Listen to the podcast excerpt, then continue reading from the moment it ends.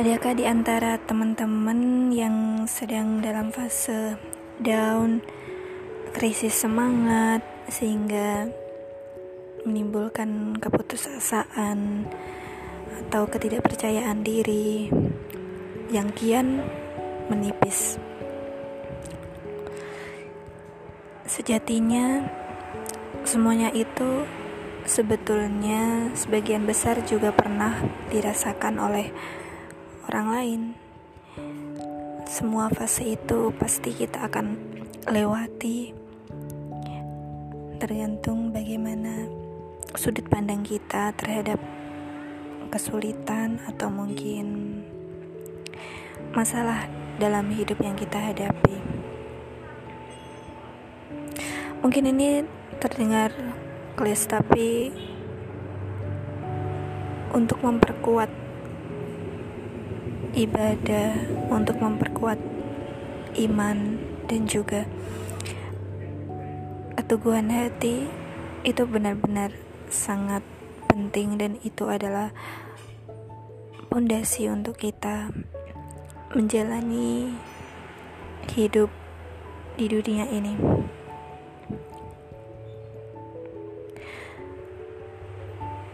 Banyak hal yang mempengaruhi bagaimana cara kita memandang masalah itu sendiri dalam hidup kita. Mulai dari keyakinan, keluarga, lingkungan, faktor pekerjaan, dan lain sebagainya, status, ekonomi, strata, hubungan sosial, dan lain-lain.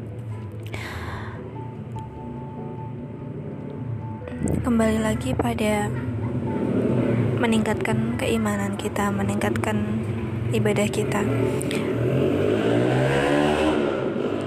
Hendaklah kita selalu berdoa, walaupun kita di masa terpuruk seperti apa pun, kita harus selalu berdoa, karena doa tidak pernah sia-sia.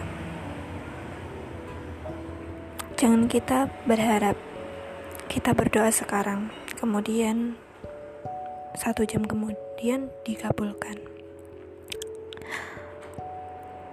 Sistem doa tidak seperti itu.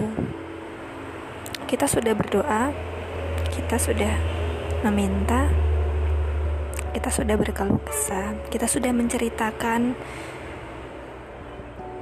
kita sudah meyakini bahwa kita lemah di hadapannya. Kemudian kita meminta pertolongan, maka itu sudah merupakan suatu jalan jalan yang baik dan kita tidak perlu untuk benar-benar berekspektasi yang seperti A, B, C, dan lain-lain. Tetapi doa yang telah kita panjatkan, tiada yang tahu kapan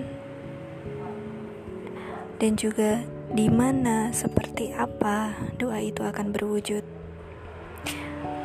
Pasti didengar, pasti akan ada balasannya. Namun dengan cara yang tidak terduga-duga. Pertama, memang kita harus meyakini itu, karena dengan kita yakin, maka kehidupan atau masalah-masalah yang kita jalani tidak akan membuat kita menjadi berpikiran bahwa kita tidak bisa bahwa kita tidak mampu untuk melewati itu. Itu karena kita tidak ada keyakinan yang kuat bahwa kita ini bisa, kita mampu dengan bantuannya.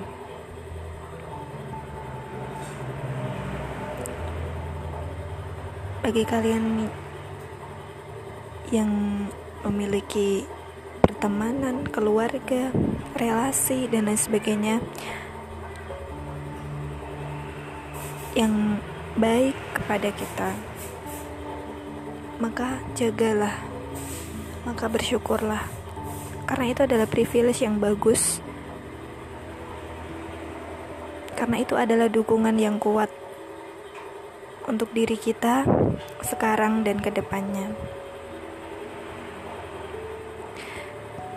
Dan pikiran-pikiran negatif itu, marilah sedikit demi sedikit kita hilangkan, kita ganti dengan pemikiran-pemikiran yang lebih baik, yang lebih suportif kepada diri kita, yang lebih mencintai diri kita, dan tidak selalu menghilangkan kepercayaan diri ketika menghadapi suatu apa pun. Dan yang pasti, selalu berada di jalan yang betul.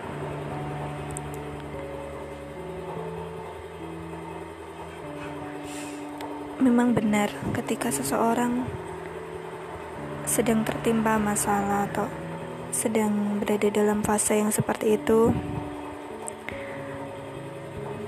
rasanya mereka seperti playing victim atau mengasihani diri, kemudian bukan rendah hati, namun ia malah rendah diri. Seperti itu. Namun, satu yang perlu diyakini bahwa masalah yang kita alami sekarang itu adalah cara untuk kita bisa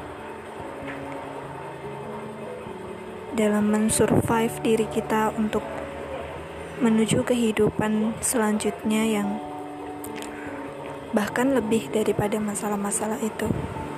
Sehingga kita juga perlu belajar dalam menyikapi hal itu.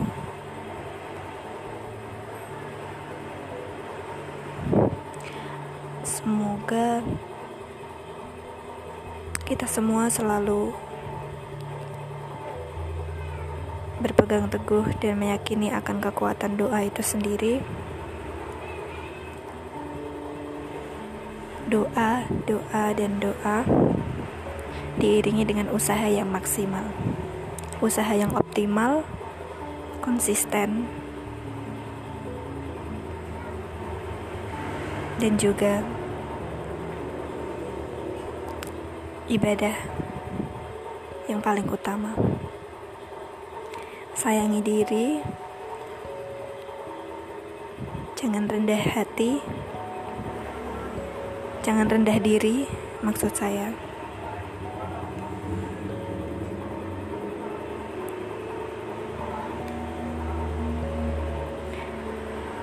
Semoga kehidupan kehidupan yang kita jalani mendapatkan ridhonya. Amin.